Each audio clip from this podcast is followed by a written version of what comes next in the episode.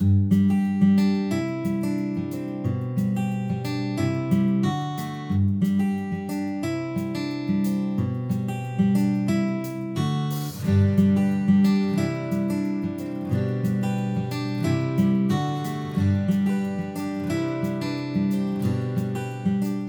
سوسن آل إدريس وبودكاست رحم الله والديك. برنامج خفيف أحكي لكم فيه حكاياتي وانطباعاتي في الحياة.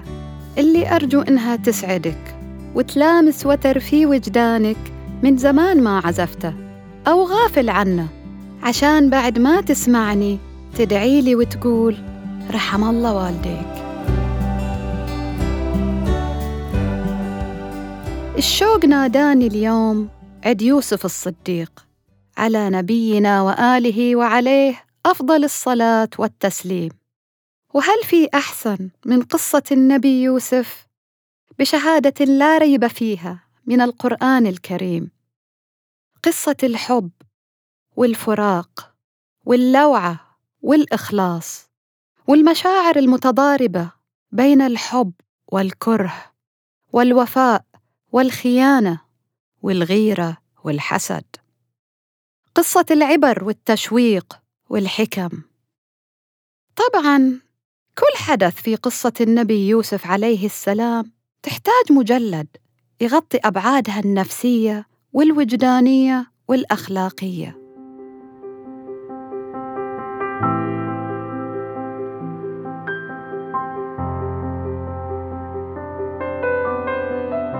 بس إحنا اليوم بنروح عند العاشقة الولهانة.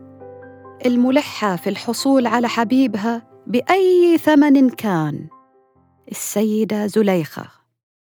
ورغم أسلوبها الخاطئ والمشين والألاعيب اللي حاكتها عشان تحصل على النبي العظيم كخليل لها إلى أنه ما نقدر نلومها ولام الله من لامها وهي بنفسها سعت لإثبات أن لومها على تصرفها الجاهل ما كان ليكون.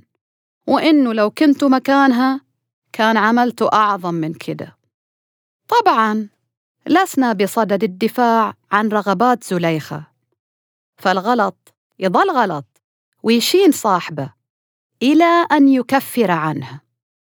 وهذا اللي سوته السيدة زليخة. إنها قضت عمرها تكفر عن خطيئتها وظل القدر يناكفها وما نالت مرادها إلا لما استغنت عنه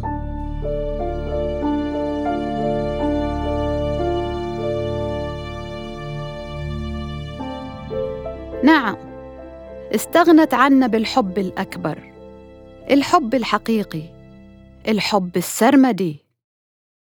الحقيقة اللي الله جل جلاله يبغاك تدور عليها عشان توصل للجوهرة اللي داخلك. الجوهرة هي إنه سعادك مش بإيد فلان. وإيش ما كان مكانته. يعني في أعظم من إنك تعشق نبي ومع ذلك رب العزة والملكوت ما أعطاها مرادها بالطريقة اللي هي تبغاها لكن أعطاها إياها في الأخير لما وصلت لقناعة إنها ما تبغاها. وليس كرها في الشخص ولا لقلة حظه عندها.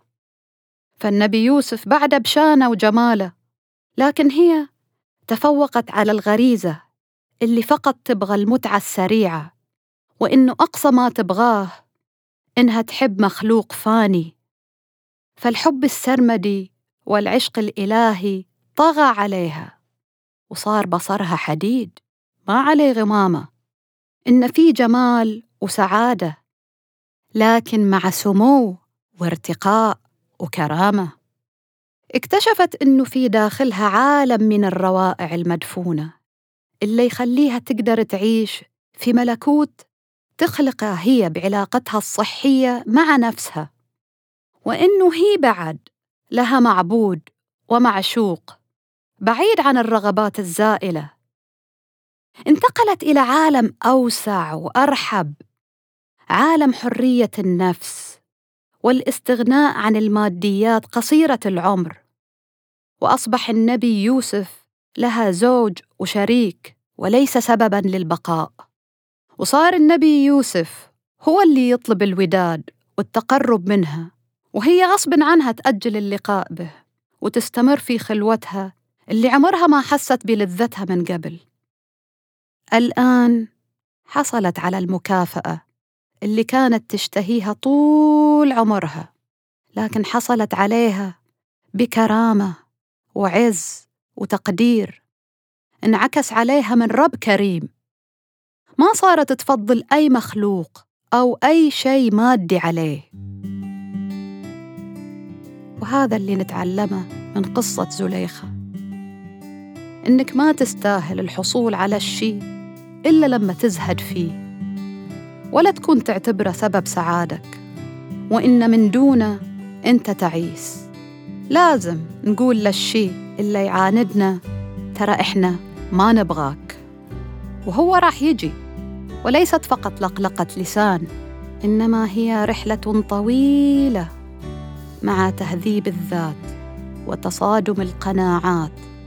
لعد ما توصل للجوهرة اللي داخلك وتفرح بها وتكتفي وتصير هي معشوقك وتستلذ بالنعيم اللي حواليك وتقول للحاجة دي إن جيتي جيتي وإن ما جيتي رحم الله والديك.